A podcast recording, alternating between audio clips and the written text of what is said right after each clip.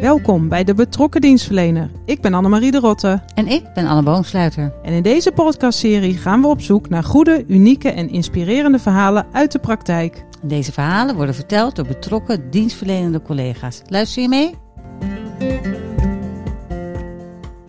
Vandaag hebben we een collega te gast die zich met passie inzet voor onze Rotterdammers. En ze doet dat vanuit twee verschillende invalshoeken. Marie-Louise de Bot is de gast. Zij werkt als strategisch adviseur bij Werk en Inkomen en doet veel voor Rotterdam inclusief, het sociaal ontwikkelbedrijf van onze gemeente.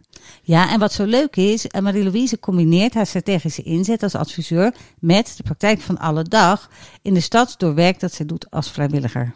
En ik begreep van jou dat ze heel passievol daarover kan vertellen, dus laten we haar inbellen.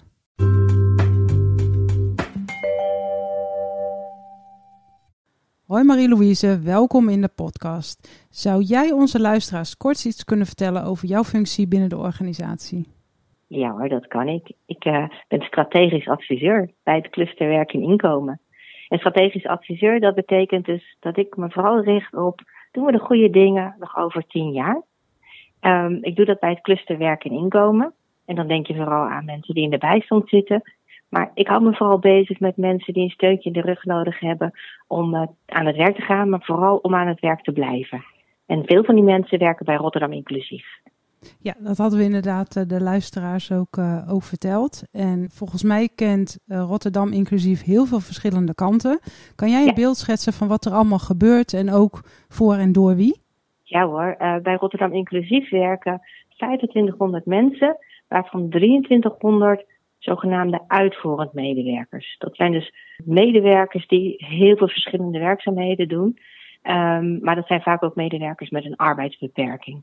Um, voor een belangrijk deel werken die in een beschutte omgeving. Ze zijn met de reproductie van uh, repro-werkzaamheden bezig. Uh, kweken planten. doen confectiewerk. Er is ook een groep met mensen die bezig is met het digitaliseren van ons stadsarchief. Maar daarnaast zijn er ook heel veel mensen aan het werk, uh, meestal in een groepje, maar soms ook individueel bij reguliere werkgevers. Um, en dat noemen we dan detacheren. Dus eigenlijk zou ik een collega van Rotterdam inclusief kunnen tegenkomen als je op zondag naar de dierentuin gaat bijvoorbeeld. Oh, wat leuk. En wat, wat zijn het er een hoop? Dat, dat, ja, ik ken het wel, maar dat het er zo ontzettend veel zijn, dat had ik ja. uh, niet geweten. En waarom is het volgens jou belangrijk dat wij als stad een onderdeel hebben als Rotterdam inclusief? En, ook wel niet onbelangrijk, waarom zou iedereen hiervan moeten weten? Nou, wat ik belangrijk vind is dat, uh, eigenlijk vind ik dat iedereen het recht heeft, als het ware, op werk. En heel veel mensen slagen erin om dat gewoon te doen bij een reguliere werkgever. Maar er zijn echt mensen, dat kan de reguliere arbeidsmarkt, kan dat niet zomaar oppakken. Dus je moet iets extra's doen uh, om te zorgen dat deze mensen kunnen werken. Dus dat wij uh, ze eigenlijk het recht op werk kunnen, kunnen geven. En lange tijd is dat eigenlijk gebeurd op, uh, op plekken die steeds onzichtbaarder werden in de stad. Mm. Aan de rand van de stad. En nu hebben we het steeds vaker over inclusiviteit en diversiteit. Um, en wat ik dus merk, is dat heel veel mensen niet doorhebben dat wij dus 2300 collega's hebben met een arbeidsbeperking. Dat zijn ook Rotterdammers. Dat zijn ook nou, letterlijk onze collega's. En ik, ik denk dat het hoog tijd is dat, dat die groep, en wat we daarvoor doen, uh, dat we ontdekken dat dat gewoon onderdeel is van onze samenleving en ook onderdeel is van onze organisatie. Ja, en ik denk zelfs ook uh, dat wij ons niet beseffen, want je noemde net al wat voorbeelden van het werk wat deze mensen voor ons als verschillende clusters allemaal doen. Want er gebeurt echt ja. heel veel van de, van de belastingaanslagen, van gemeentebelastingen, van uh, dienstverlening tot inderdaad wat jij zei, het inscannen van uh, stadsontwikkelingsdocumenten. Uh, mm -hmm. Nou ja, ze uh, print ook de brieven voor werk en inkomen. Echt onwijs ja. veel. Uh, en, Groenvoorziening, ja, stadsbeheer zijn ja, heel veel mensen klopt. actief. En ja. uh, dus, dus dat is inderdaad heel mooi. En ja, stiekem vind ik dat zij misschien wel het leukste werk doen uh, wat we hebben. Want ik vind zelf altijd, als, als ik dan wel eens op zoeken locaties ben, dat is mm-hmm. zo onwijs inspirerend. En uh, vooral ook wat je aangeeft, hè, dat inclusieve, iedereen mag er zijn. En dat merk je daar gewoon. Ja. Um, hoe moeilijk dat soms ook is met allemaal verschillende mensen. maar het werk is ook gewoon leuk, de sfeer is fijn. Dus ja. nou ja, fijn ook dat je ons daarover wil vertellen.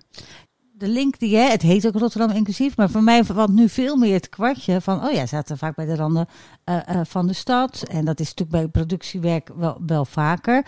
Maar uiteindelijk was dat dan hetgene wat wij veel mensen van de samenleving, uh, Rotterdammers, wisten erover. Terwijl het juist zo belangrijk is dat het in heel die haarvaten van die stad zit.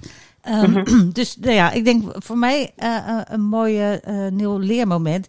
Maar wat ik nou van jou zo leuk vind, wilde ik toch even benoemen, is de combinatie die jij echt met passie legt.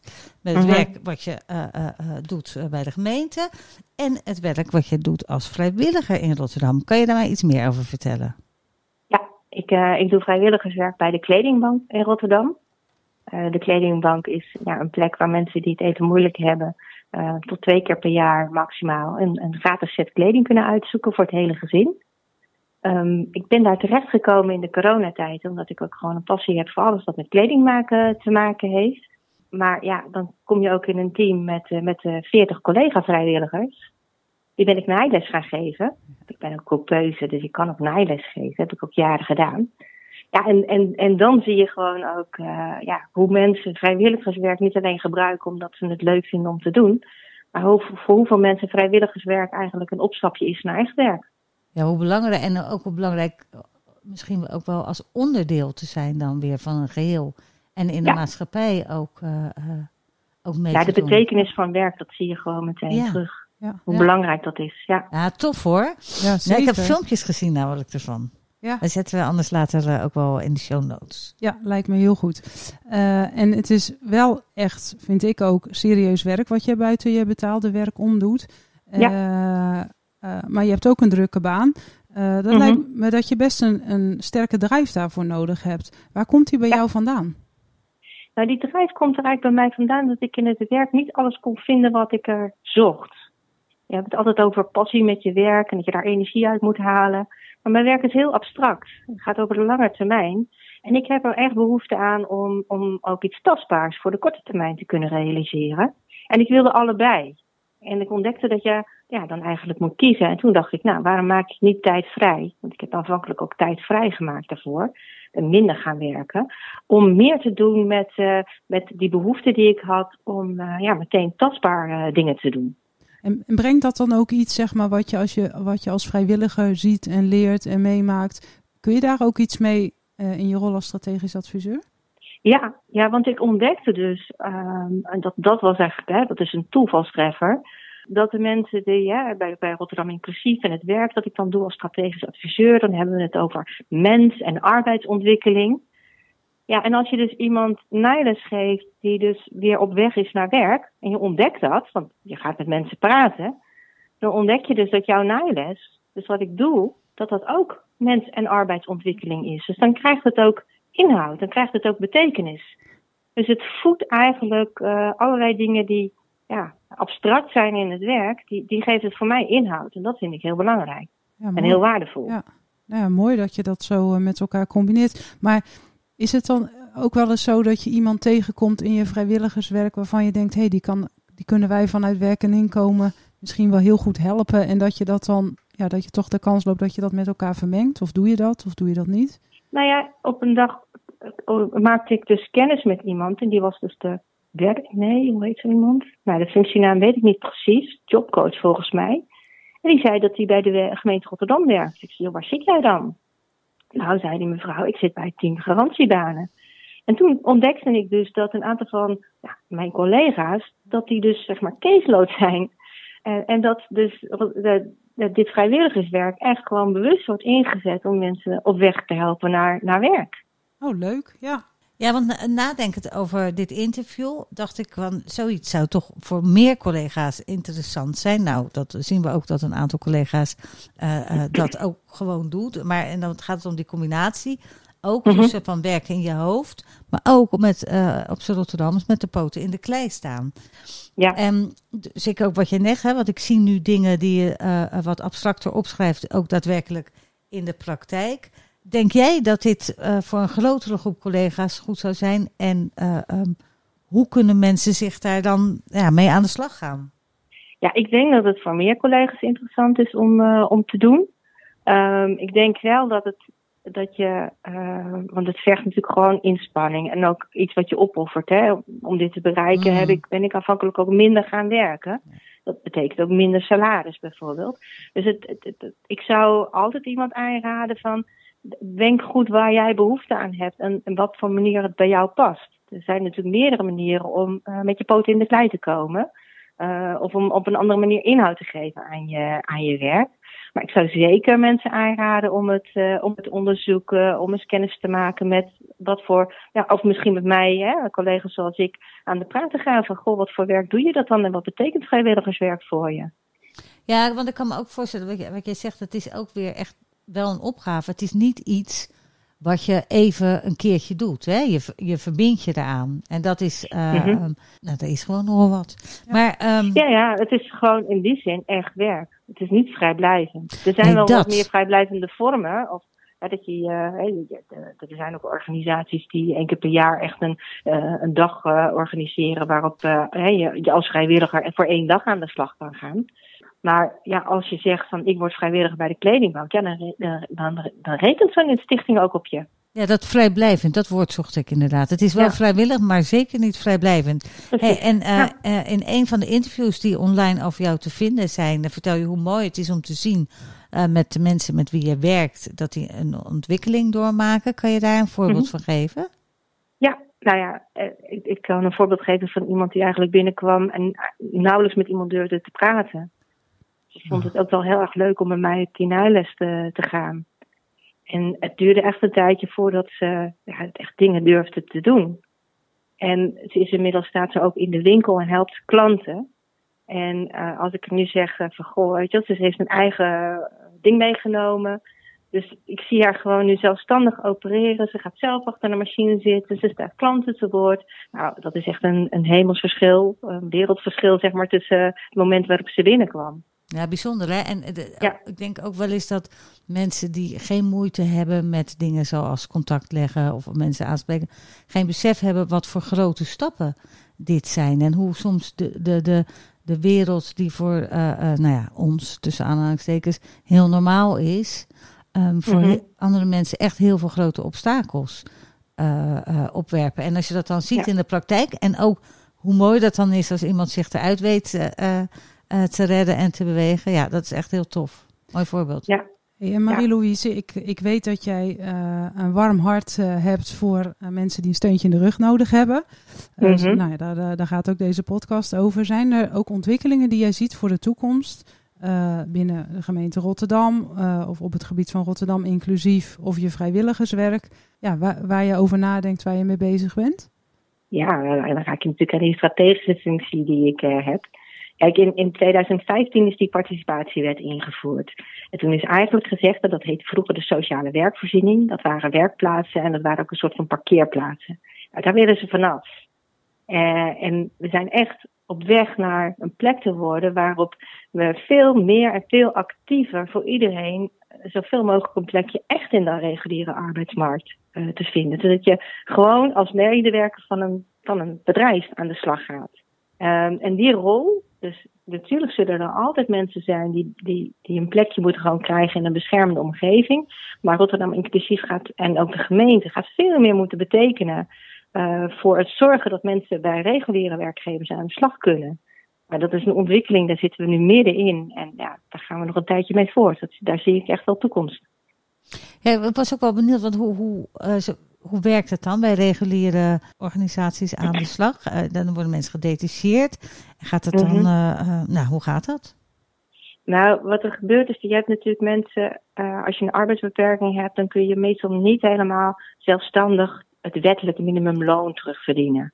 Mm-hmm. betekent dus dat een deel van jouw arbeidsproductiviteit, hè, de, als jij een salaris krijgt, dat die werkgever dat salaris wel moet betalen, maar het niet met jou kan terugverdienen. Dus nou een van de dingen die we daarvoor doen is het, uh, het, het, het, noemen dat? Een, een geven van het compenseren van dat tekort. Dat noemen we loonkostensubsidie. Vaak hebben mensen ook begeleiding nodig. Um, dus het vergt gewoon even iets meer aandacht en tijd om mensen in te werken. Maar ook als er dingen veranderen, en verandering is bijna een constante, om te zorgen dat mensen daarmee om kunnen gaan. En het kan ook betekenen dat er heel praktisch dingen aangepast moeten worden in werkprocessen. Ehm, dat kan betekenen dat je een speciale voorziening krijgt, een stoel of wat, wat ook, om je werk te kunnen doen. Maar dat kan dus ook betekenen dat um, ja, functies zo worden ingericht dat jij dat stukje doet wat je wel kan doen. Nou, daar hebben reguliere uh, werkgevers hebben daar hulp bij nodig, want dat is niet onderdeel van hun primaire focus. Ze willen klanten en ze willen continuïteit, ze willen winst maken. Uh, en medewerkers zijn daar een middel in. Ja. Ze zijn niet allemaal gespecialiseerd in hoe kan ik zorgen dat uh, uh, ik het beste uit deze mensen haal. Ze zijn meestal gefocust op ik wil mijn proces zo inrichten en zoeken daar de mensen bij. En denk jij dat daar, uh, mijn gevoel is dat er bij werkgevers steeds meer aandacht komt. Maar dat kan ook zijn omdat het meer in de media komt of dat weet ik niet. Maar, maar hoe, hoe, zie jij dat? Dus, komen er steeds meer kansen op de reguliere arbeidsmarkt voor mensen die een steuntje nodig hebben? Um, nou, in de, de, de, huidige arbeidsmarkt is heel krap. En de voorspellingen zijn dat die krap blijft. Um, dus gaan, denk ik, werkgevers veel meer op zoek naar mogelijkheden om het beste uit de medewerkers te halen. Dus die focus van, hè, als je kan kiezen uit uh, tien, uh, tien mensen die jouw werk willen doen, dan kies je de persoon die het beste bij jouw werkproces past. Als die vijver veel kleiner wordt, ja en je hebt veel meer werk dan dat je kandidaten hebt die dat werk zouden kunnen doen, ja, dan ga je gewoon kijken naar die kandidaat. En hoe kunnen we daar het beste uithalen? Ja. Uh, en ik denk dat dat wel degelijk kansen biedt voor ja, die groep Rotterdammers die nou net even niet uh, zeg maar een goed gevuld cv hebben.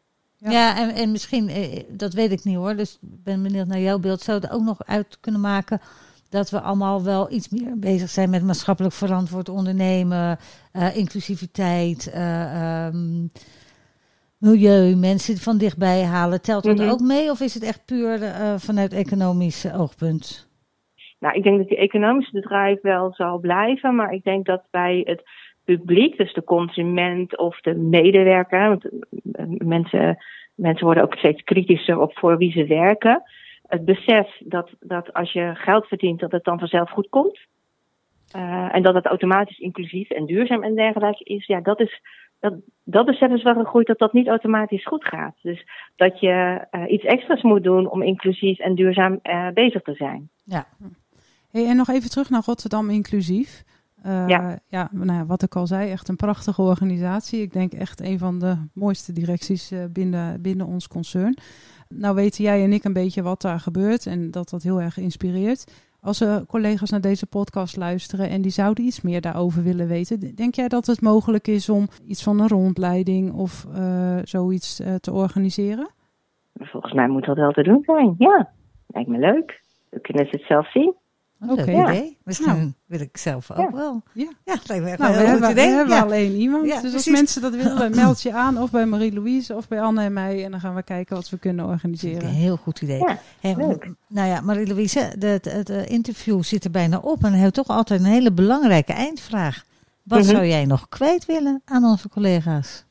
Ja, wat ik graag kwijt wil is. de, de, de, de podcast heet natuurlijk de betrokken dienstverlener. Mm -hmm. En als ik dan denk, hè, vanuit mijn functie, want ik heb een staffunctie, dan denk ik altijd heel snel: oh, die klant van mij, dat is een directeur of dat is een bestuurder. Um, maar wat ik nog belangrijker vind dan een happy de wethouder, is happy Rotterdammers. Dus ik wil gewoon dat eerst die Rotterdammer happy is. En met happy Rotterdammers dat ik daar de wethouder mee happy uh, maak. Um, dus wat ik graag kwijt wil aan collega's is, zet alsjeblieft de stad en de inwoners van de stad voorop. Um, en doe dat vanuit een rol die heel dienstbaar is aan, uh, aan uh, ook je bestuur, uh, het bestuur van de stad. Ik vind dat een hele mooie oproep en daar kan ik me ook helemaal in vinden. Ik ook. Zel, zelfs terwijl ik die, een van die directeuren was. Dus uh, helemaal goed. Uh, Marie-Louise, dan wil ik jou bedanken voor dit leuke en informatieve interview. En ik hoop dat we aanmeldingen krijgen om eens een kijkje te nemen bij Rotterdam Inclusief. Ik heb er zelf ook wel weer zin in. En dan wil mhm. ik uh, de luisteraars voor nu bedanken voor het luisteren. En graag tot de volgende keer bij de podcast van de betrokken dienstverlener. Tot dan!